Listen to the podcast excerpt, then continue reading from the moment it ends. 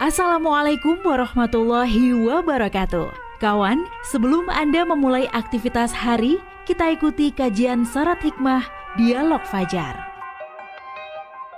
Assalamualaikum warahmatullahi wabarakatuh. Alhamdulillah kawan pagi hari ini saya Fitriana Ayu yang kembali bersama Anda di program Dialog Fajar. Semoga semuanya dalam keadaan sehat ya. Untuk Anda, saya dan kita semua kawan kerja, berusaha, mungkin satu di antaranya untuk memenuhi kebutuhan ya, kebutuhan rumah misalnya. Kalau sudah mempunyai rumah, tentu semuanya itu diisi atau dipilih dengan yang terbaik. Mulai dari lantainya, dari bahan yang paling terbaik, kemudian furniturnya, pintunya, apalagi lagi. Semuanya yang nomor satu kurang lebih begitu ya. Apakah itu semuanya sudah barokah? Ini kawan yang menjadi topik di dialog fajar pagi hari ini bersama Ustadz Abdurrahim Hasan dari pesantren Al-Quran Nurul Falah Surabaya. Assalamualaikum Ustadz Rahim. Waalaikumsalam warahmatullahi wabarakatuh Mbak Ayu. Alhamdulillah, Alhamdulillah. ketemu lagi. Sehat ya Ustadz ya? Alhamdulillah sehat walafiat. Alhamdulillah. Iya pagi hari ini kita ngomongin rumah yang barokah. Boleh ya, ya Ustadz betul, ya? betul, betul, bisa.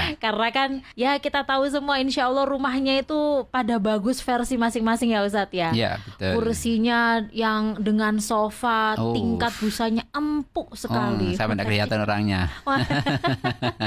Kemudian apalagi ya Ustadz ya perabotnya, furniturnya uh, uh, didatangkan dari luar negeri, hmm, masya Allah. Intinya bagus begitu ya Ustadz ya. ya. Nah, apakah itu sudah barokah dan bagaimana rumah yang barokah itu uh, rumah yang bisa disebut barokah itu yang bagaimana? Selengkapnya bersama Ustadz Ustadz Abdurrahim Hasan. Monggo Ustadz. Ya, baik Mbak Ayu. Bismillahirrahmanirrahim. Alhamdulillahi rabbil alamin. Wassalatu wassalamu ala asrafil anbiya wal mursalin wa ala alihi wa ashabihi ajmain. Asyhadu an la ilaha illallah wa asyhadu anna Muhammadar Rasulullah. Allahumma salli ala sayyidina Muhammad wa ala ali sayyidina Muhammad fil alamin innaka Hamidum Majid. Amma ba'du. Mbak Ayu dan kawan-kawan SS yang berbahagia. Alhamdulillahirrabbilalamin.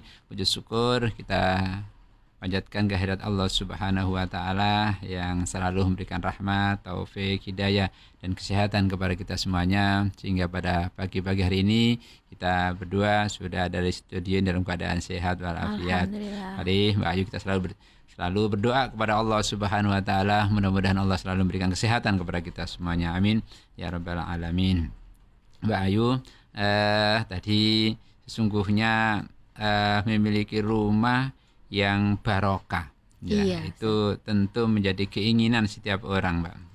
Ya, hmm. karena melalui keberkahan rumah kehidupan seorang akan selalu diliputi oleh ketenangan, ketentraman, kenyamanan, serta dimudahkan oleh Allah segala urusannya. Namun Mbak Ayu, apakah kriteria rumah yang dikatakan barokah tadi itu yang disebutkan Mbak Ayu tadi itu mm -hmm. yang fisiknya itu terlihat mega ya, kemudian perabotannya Betul. itu ya sudah wah semuanya Betul. sampai didatangkan dari luar negeri. Apakah itu yang dikatakan uh, rumah yang barokah itu? Sesungguhnya keberkahan rumah itu adalah sebuah rumah yang di dalamnya itu adalah bukan dari yang tadi itu, hmm. tapi bagaimana rumah itu ditempati oleh penghuninya ada aura, ada hmm. aura apa aura itu mbak? Ada aura ketentraman, hmm. ada aura kedamaian, ada aura kenyamanan, hmm. serta penghuninya itu betah tinggal di dalamnya. Itulah hmm, hmm. yang dikatakan uh, sebuah rumah yang barokah itu. Jadi ketika kita masuk ke rumah, hmm. maka terasa sangat dingin sekali, terasa nyaman sekali diri kita, terasa ada ketenangan. Nah, itu adalah hmm. yang dikatakan uh, rumah yang barokah tadi itu. Ketika kita keluar dari rumah ya dengan rasa tenang dan ingin segera pulang ke rumah Masya karena Allah. ada kedamaian di rumah itu. Sehingga Rasulullah mengatakan baiti jannati. Rumahku adalah surgaku. Nah, kalau surga itu kan berarti bermacam-macam, beraneka hmm, macam hmm. dalamnya dan kita merasa ada ketenangan dan kedamaian itu. Nah, sekarang Mbak Ayu bagaimana agar rumah kita itu bisa menjadi rumah yang barokah. Nah, bisa kita setting, nah, bisa kita usahakan. Jadi mungkin ya nggak apa-apa dengan eh, bentuk bangunan yang bagus, dengan di dalamnya juga ada perabatan yang bagus, nggak apa-apa juga. Tapi ya dalam agama kan ada sesuatu yang bagaimana sesuatu itu kita lakukan di rumah itu hmm. sehingga rumah itu menjadi barokah. Yang pertama antara lain adalah mari rumah itu kita gunakan untuk sholat. Hmm. Jadi rumah yang digunakan untuk sholat maka akan terpancar keberkahan dan turunnya rahmat Allah Subhanahu wa taala. Ya, sehingga memberikan ketenangan dan ketentraman bagi penghuninya. Karena itu uh, dalam Al-Qur'an itu Allah menyebutkan dan diperintahkanlah kepada keluargamu mendirikan sholat ya, dan bersabarlah kamu dalam mengerjakannya. Kami, kata Allah, tidak meminta rezeki kepadamu, akan tapi kamilah yang memberi rezeki kepadamu. Nah itu. Jadi ketika kita gunakan sholat di rumah itu, sesungguhnya Allah akan memberikan sebuah kemudahan bagi kita, Mbak, yaitu hmm. dimudahkan untuk mendapatkan rezeki dari Allah Subhanahu wa taala. Dan sesungguhnya ketika rumah itu kita gunakan sholat, memang orang laki-laki itu kan baiknya sholat di, di masjid. masjid ya. Dan bagaimana rumah itu? Ya kita gunakan sholat sunnah kan gitu. Kan banyak sekali sholat sunnah itu mbak. Kalau pagi -hmm. ya sebelum duha. kita berangkat ada sholat duha. Kalau malam hari ada sholat tahajud ada sholat hajat, ada sholat apalagi istikharah dan lain sebagainya. Hmm. Jadi ada bermacam-macam sholat yang bisa kita lakukan di rumah itu. Bagi seorang perempuan juga demikian. Boleh kita melaksanakan sholat fardu di rumah. Jadi ya, agar rumah itu menjadi barokah, maka mari rumah itu kita jadikan untuk melaksanakan sholat di dalamnya. Hmm. Yang kedua adalah agar rumah itu barokah, maka perbanyaklah kita membaca Al-Quran di dalam rumah itu. Hmm, Karena sesungguhnya Al-Quran itu adalah merupakan rahmat dari Allah Subhanahu hmm. wa taala yang dengan Al-Qur'an itu bisa menjadi penawar hati hmm. yang gelisah kan gitu. Hmm. Wa nunazzilu minal Qur'ani ma huwa syifaa'u wa rahmatul lil mu'minin hmm. begitu. Dan kami turunkan Al-Qur'an itu sesuatu yang menjadi penawar dan rahmat bagi orang yang beriman.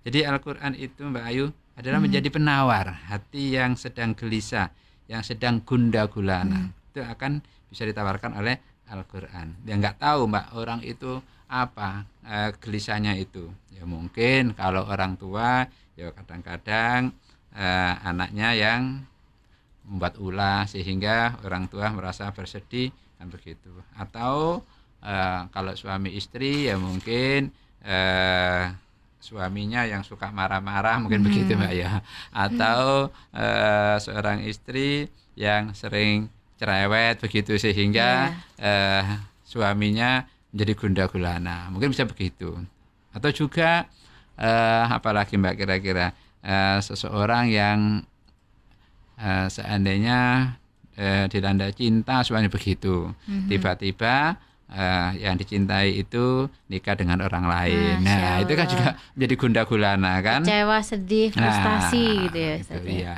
Maka apa obatnya? adalah baca Al-Qur'an. Al nah, apalagi Al-Qur'an itu kita baca juga di rumah tadi itu.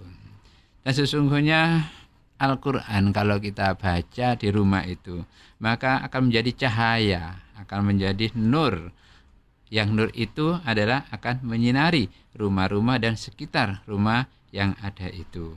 Sehingga kedamaian, ketentraman penghuni rumah itu bisa didapat karena selalu membaca Al-Qur'an.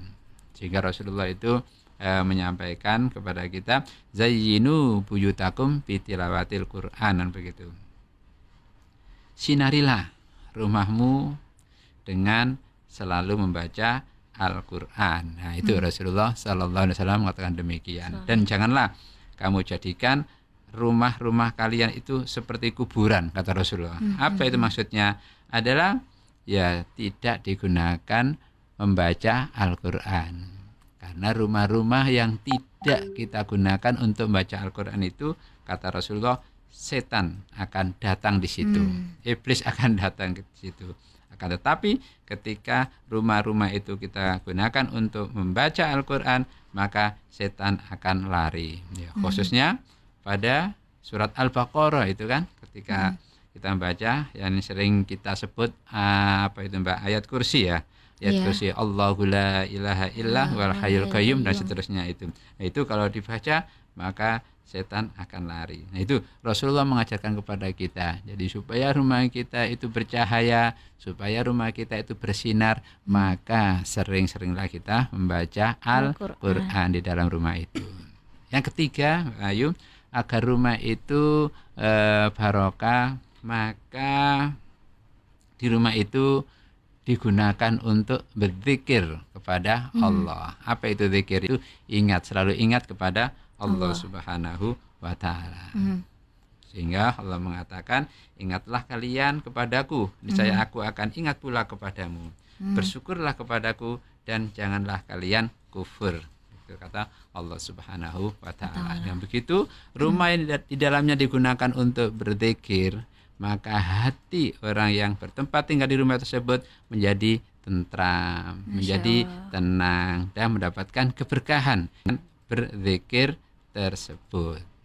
Nah, sehingga orang-orang yang beriman dan hati mereka menjadi tentram dengan mengingat Allah. Hmm. Itu kan dalam uh, surat itu dalam Al-Qur'an. Hmm. Ingatlah hanya dengan mengingat Allah hati menjadi tentram. Hmm. Ya.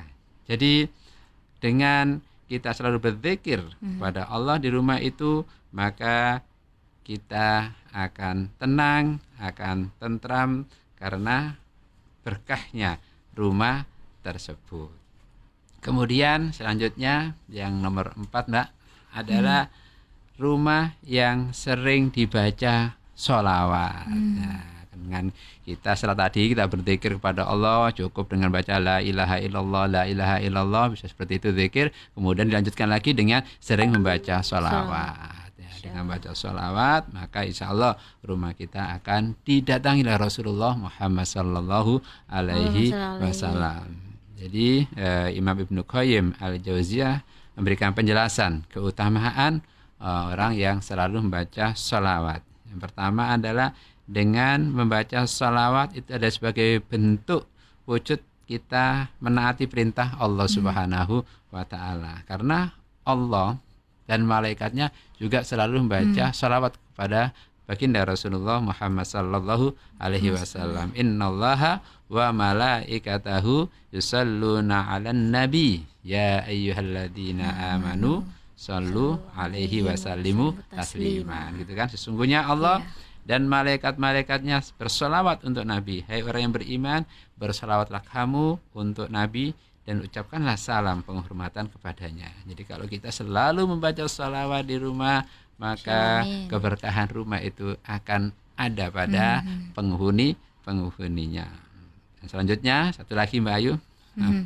masih ada waktu ya. Rumah masih yang ada. selalu digunakan untuk memuliakan tamu. Nah, kadang-kadang kita kan ada tamu kan gitu. Maka nah, Rasulullah, maka gunakanlah rumahmu itu untuk memuliakan tamu itu mm-hmm. karena ketika kita memuliakan tamu itu adalah bagi bagaikan atau bagian bagian mm-hmm. dari rukun mm-hmm. iman mangkana yu'minu billahi wal yaumil akhir fal yukrim dhaifahu barang siapa mm-hmm. yang beriman pada Allah dan hari akhir maka hendaklah dia memuliakan tamu. Nah, ya, sampai sudah mengatakan sesungguhnya para malaikat senantiasa memohonkan rahmat kepada Allah untuk seseorang di antara kamu selama hmm. hidangannya masih diletakkan atau belum diangkat untuk disimpan. Jadi ketika tamu itu pulang, kemudian hidangan kita yang kita berikan kepada tamu itu belum kita simpan di almari mungkin,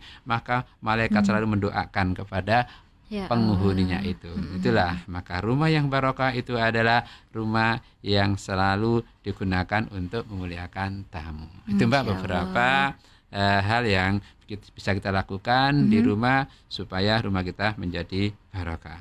Demikian Amin. yang bisa kami sampaikan semoga bermanfaat. Insya Allah bermanfaat Ustadz. Demikian juga dialog Fajar pagi hari ini saya Fitriana Ayu dan juga Ustadz Abdurrahim Hasan pamit kawan. Wassalamualaikum warahmatullahi wabarakatuh. Waalaikumsalam warahmatullahi wabarakatuh. Program Dialog Fajar yang baru Anda simak. Kerjasama Suara Surabaya dan Pesantren Al-Quran Nurul Falah Surabaya, lembaga dakwah yang amanah, profesional, dan berbasis Al-Quran Pesantren Nurul Falah mencetak guru-guru Al-Quran dengan metode tilawati dan tafidz Al-Quran. Informasi dan pemberian donasi hubungi 031 828 1278 atau nurulfalah.org. Wassalamualaikum warahmatullahi wabarakatuh.